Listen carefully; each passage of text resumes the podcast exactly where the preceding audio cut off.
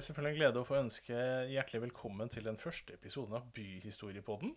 Og med meg i vårt lille, vakre, historisk inspirerte studio så har jeg Trond Svandal, min gode venn, og ikke minst historiker med sterk patriotisme for Fredrikstad.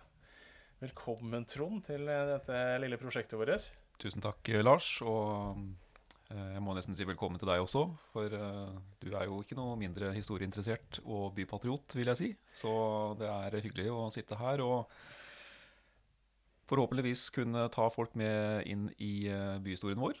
Ja, og det tenkte vi egentlig vi skulle gjøre da i form av et slags grunnkurs i byhistorie, sånn i første omgang. Og så skal vi komme tilbake til mer, eh, mange spennende temaer senere. Men jeg tenkte at det å gi en generell introduksjon til byhistorien kunne være en ålreit måte å starte denne byhistoriepodden på. Vi har jo da tenkt å starte selvfølgelig i 1567, hvor vi da har en dramatisk eh, historie. Det er en by som ligger ved en foss, og den blir brent ned av svenske soldater. Og det skjer under den nordiske syvårskrigen.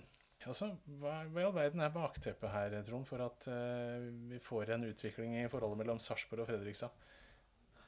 Jo, det er jo en uh, svært dramatisk uh, historie som ligger bak Fredrikstads oppkomst i 1567. den nordiske sjuårskrigen var en, en, av mange kriger mellom Sverige og Danmark-Norge. Som navnet tilsier, så varte den i sju år, fra 1563 til 1570. og det var jo en krig som vi kan si i bunn og grunn dreide seg om hvem som skulle ha makt i Norden. Var det danskekongen Fredrik 2., eller var det den svenske kongen Erik 14.? Uh, dette var jo et ledd egentlig i en lang unionsstrid mellom uh, Sverige og Danmark, først og fremst. Uh, Norge var jo litt haleheng til Danmark på den tida her. Sverige hadde jo egentlig brutt ut av denne nordiske unionen bare noen tiår før, på 1520-tallet. Eh, og det var fremdeles eh, målet å gjenopprette en nordisk union. Denne Kalmarunionen, som, eh, som jo ble oppretta på 1300-tallet, den, den, begynte å knake sammenføyning ganske tidlig. og når vi kommer til 1563, så brøt ut igjen konflikt. Den skulle bli lang, hard, veldig blodig. Og året 1567 er jo også et svært dramatisk år i Norge da blir eh, flere eh, svenske angrep eh, ført mot Norge. For på den måten da å også angripe Danmark og danskekongen. Dette er året hvor Hamar angripes, byen brennes ned, domkirken brennes ned. Det er jo sikkert mange som har vært på domkirkeodden i Hamar og sett ruinene der. Oslo angripes, brennes ned. Eh, og på senvinteren en gang så kommer det da også svenske tropper til, eh, til, Østfold, det som vi kjenner som Østfold, og til denne byen ved Sarpefossen. Eh, Sarpsborg på ja. Og da blir det drama her for alle penga i hele området vårt her. For det er jo ikke bare Sarpsborg som blir trua, det er vel også området her i dagens Fredrikstad. Det var jo trussel om brannskatter og sånn i Onsøy annet, og flere steder.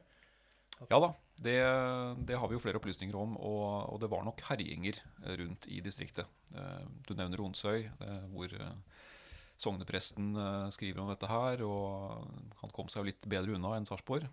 Men brannskatt var en egentlig ganske vanlig del av krigstaktikken. Det var egentlig en utpressing. Man måtte betale penger eller en Man måtte betale noe for å slippe å bli brannherja. Eh, og det er jo det da sarpingene for så vidt eh, ikke gjør. Vi må jo tro det, siden byen ender opp da med å bli brent ned. De blir jo også utsatt for brannskatt. Ja.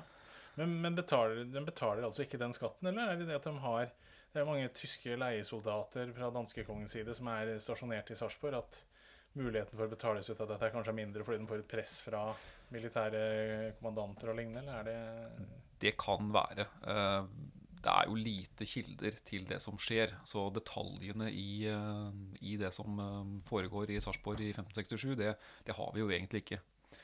Eh, så det kan, vært, det kan, ha vært, militære grunner til at de ikke ville betale. Det, det kan rett og slett ha endt opp med plyndringer og nedbrenning. Det har vi jo eksempler på andre steder. Men resultatet vet vi i hvert fall da. Byen blir brent ned. Mm, og da sitter vi der med en nedbrent by. Og da tenker vi da vil man bygge opp igjen. Og da er det disse sarpingene, våre forfedre, gjør det grepet som mange kjenner til, at de rett og slett reiser til danskekongen og ber om å få flytte byen sin noen kilometer sørover. Og det er kanskje vel så riktig å snakke om en byflytting som en bygrunnleggelse når vi kommer til 1567. For da tar, Det er jo Mats Haraldsen og Jens Lang som er disse borgermesterne som drar til kongen i, i Kjøben og ønsker å få til denne flyttinga. Og Det får de også innvilga. Til slutt så sitter vi jo med en bursdag for eh, Fredrikstad, som vi gjerne daterer til 12.9. Og da er det jo enda dette byfundasjonsbrevet som blir undertegna, og vi ender opp med en by som bygges opp her ved Glommas munning i stedet for ved Sarpefossen. Og det kan jo kanskje synes litt rart for oss i dag, da vi er vant til at eh, rivaliseringa mellom Sarpsborg og Fredrikstad er veldig sterk, og det er jo litt på litt primitivt nivå innimellom. At uh, vi Det er jo ålreit i Sarpsborg òg. Må innrømme det som uh, ja, Fredrikstad Og Det er jo mange hyggelige sider ved Sarpsborg, men uh, Sarpsborg er, er, en hyggelig by i dag. Og det var liksom, det sikkert på før 1567 også, må vi jo tro. Ja, men det er denne rivaliseringa er jo et sånn moderne fenomen som gjør at vi blir litt prega av rødt og hvitt eller blått og hvitt, avhengig av hvilken by man er i. Men, som jo er litt er, Det er mange interessante sider ved denne historien her, men hvis en ser på den, si, den, senere historien til middelalderbyen Sarpsborg, da, slutten av 1400-tallet og fram til 1567, som det jo faktisk fins litt kilder til, så kan det jo kan det i hvert fall se ut som at mange av innbyggerne kom utenfra. altså Det var sannsynligvis dansker, tyskere, helt sikkert. Man drev jo handel, utenrikshandel. og altså Den bypatriotismen som vi uh, har i dag, den, den, tror jeg nok var uh, noe helt annet den gangen. Så det å flytte byen det hadde nok mer praktiske årsaker enn en, kanskje en sånn ren patriotisme. Ja. Det er ikke sikkert folk som bodde der, hadde bodd der så veldig lenge. Kanskje en generasjon eller to, maks. Så må vi huske på at dette ikke er en veldig stor by heller. Mange driver med jordbruk. altså det er Bymarker er en viktig del faktisk av, av byvirksomheten. At en må ha muligheten til å dyrke litt egen mat for å klare seg. Så dette er ikke noe sånn uh, lukrativt jetset-liv i noen storby. Det er en uh, jeg vet ikke, er en, det er noen hundre mennesker som bor i Sarpsborg på den tida her. Ut fra størrelsen på Fredrikstad noen år senere, eh, altså på 1580-90-tallet, så bodde det vel en 500-600 innbyggere i Fredrikstad. Eh, det kan vi se ut fra skattelister. Så, så Sarpsborg var nok ikke noe særlig større. Så i dag så ville vi nok kalt det en landsby. Eh, men det var ikke så mange andre byer i Norge, så, og det var jo en by, helt klart. Med borgermester og det som skulle til, men, eh, men byen var jo liten. Det må vi jo, må vi jo bare innrømme. Og i en setting hvor man da jobber mest for å kanskje bare klare seg i hverdagen og overleve og ha et helt greit liv hvor man kommer seg gjennom, så er det klart at det å endre livsvilkåra sine litt, med også kanskje da gjøre noen grep for å bedre enkelte sider av bylivet, det F.eks. igjen med byflytting. Det sitter nok ikke så langt inne som for eh, våre dagers ihuga bypatrioter som uh, offisielt skal hate den andre byen osv. Uavhengig av hvor man sitter den og sier den andre byen. Ja, nei, det var nok uh, Det var ikke noen annen by å snakke om, så da kunne man jo ta med seg hele byen og flytte. Man var kanskje ikke så glad i Tønsberg og Oslo og andre byer man konkurrerte med, i og for seg, men det, det er en Nei, ja, eller, eller, andre norske byer som Marstrand og Uddevalla.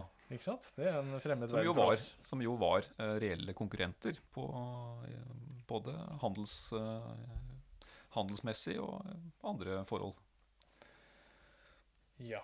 Og da må vi jo se litt på hva som faktisk er grunnene da, som vi tenker oss i dag, og som kanskje også blir oppgitt i samtida, til at byen flytter. Og Vi har allerede vært litt inne på dette her med bymarker, at det er en viktig del av en bys virksomhet faktisk på den tida her. At mange driver og produserer sin egen mat, samtidig som de da skal drive med handel i byene. Og hvilke andre muligheter er det man kunne få her i, her i Fredrikstad kontra oppe ved Fossen? Ja, Bymarkene var, var viktige. Ehm, de som bodde, som du har allerede vært inne på, de var stort sett altså de var bønder alle sammen. Ehm, så de måtte jo ha noe å leve av. handel med mat var ganske begrensa, så dette måtte de dyrke sjøl. Og forholda nede ved utløpet av Glomma var det nok mange som så som bedre. Store, åpne sletteland. Gode forhold for landbruk. Og det, dette har de nok sett før de flytta byen også. De har jo de har vært her nede. De har tenkt et par tanker om dette her før, før den byen ble brent? Det er jeg ganske sikker på. Og når først ulykka var, var, ute, sånn som den var, byen var brent ned, så har de kanskje sett sitt snitt da, til å nettopp bedre jordbruksmulighetene. Mm. Du må bygge opp byen fra scratch uansett, og da kan du kanskje like gjerne bygge den opp her nede? Ja, og det, og det, er klart dette her hadde jo med livsvilkåret til, til de som bodde i byen, og, og det var viktig det virker jo som du sier, altså det virker jo veldig fremmed for oss i dag. Men eh, til langt ut på 1800-tallet så var jo bymarker viktig. Eh, du hadde i alle norske byer eh, fram til ja, skal vi si, første halvdel av 1800-tallet. Så begynner nok å endre seg såpass, men, men dette var viktig. Og på 1500-tallet var det helt livsviktig. Men det er jo også noen andre forhold vi kanskje kan se på også. Altså Sarpsborg er jo en innlandsby egentlig. En av få innlandsbyer. Og det er også blitt påpekt som et moment her at det å komme nærmere havet også kan være viktig. Fordi eh, det en by driver med, er jo bl.a. handel, og det å kontrollere handel. Og har visse handelsprivilegier, disse byene. Men når det da klart ligger oppe ved Sarpefossen, og du skal kontrollere en handel som i stor grad ikke går ut via, via havner rett nedafor Sarpefossen, men heller ut fra Gressvikfloa eller Skjebergkilen eller andre steder, så, så, kan det være ålreit å komme seg lenger ut, ut mot havet. Det er også et, eh, også et, moment som være greit å ta med, at havneforhold spilte inn. Eh, hvem handla man med av? Hva handla man med på den tida her? Det som vi eh, har litt oversikter over, er, det er jo varer som ble eksportert fra Sarpsborg. Og det var typiske varer fra fra Norge på 1400-1500-tallet.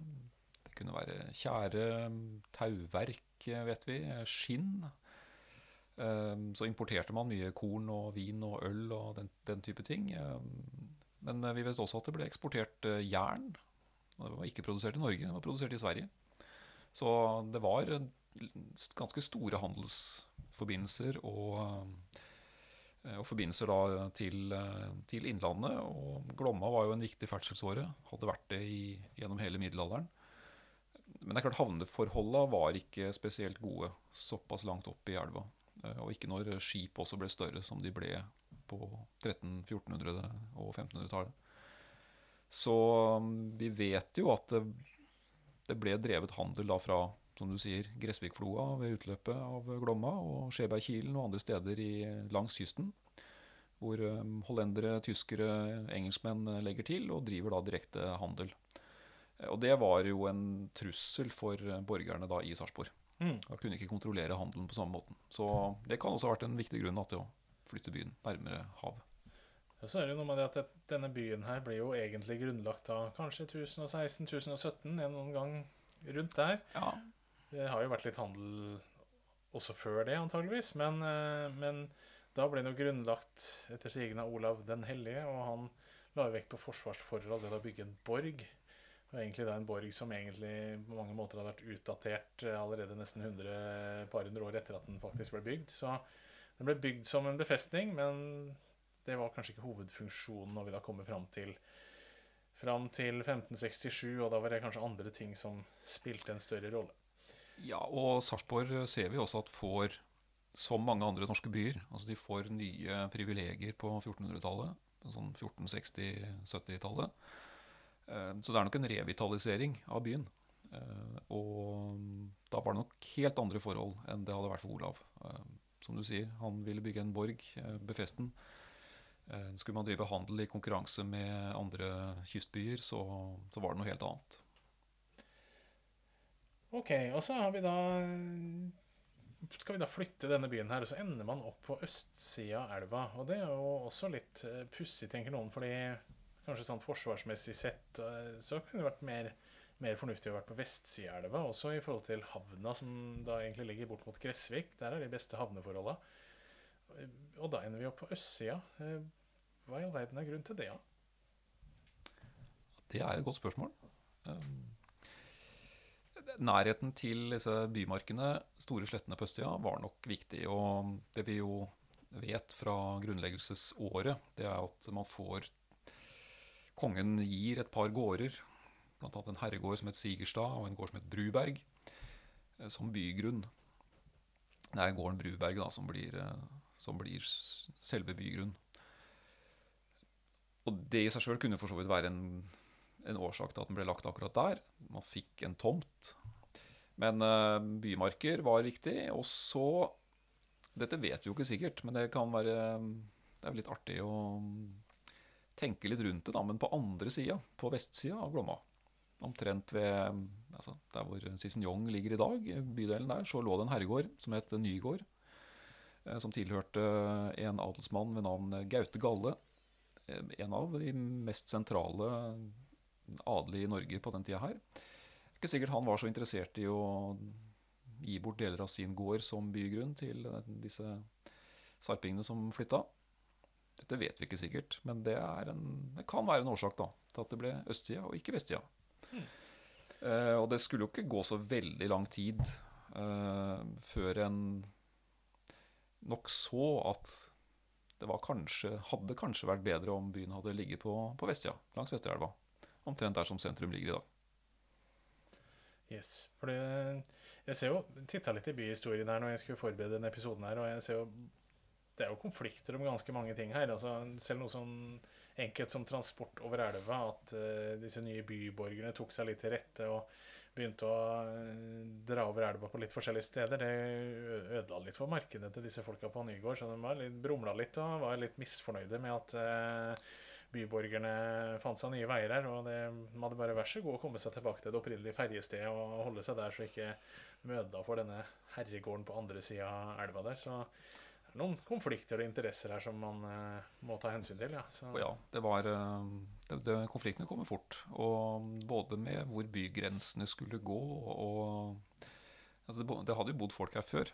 Så plutselig så kommer det drassende noen hundre sarpinger som skal bygge en by midt oppi oppi dette her. Det er klart det ble konflikter.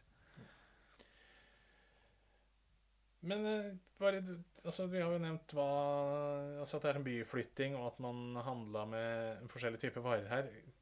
Er det noen sannsynlighet for at man har fått noen nye næringsmuligheter ved å flytte byen hit også? Altså, det er snakk om noen fiskerier og sånn ute i eh, havet utafor her. Eh, ja, det er jo kanskje den den morsomste teorien da, til at en flytter byen.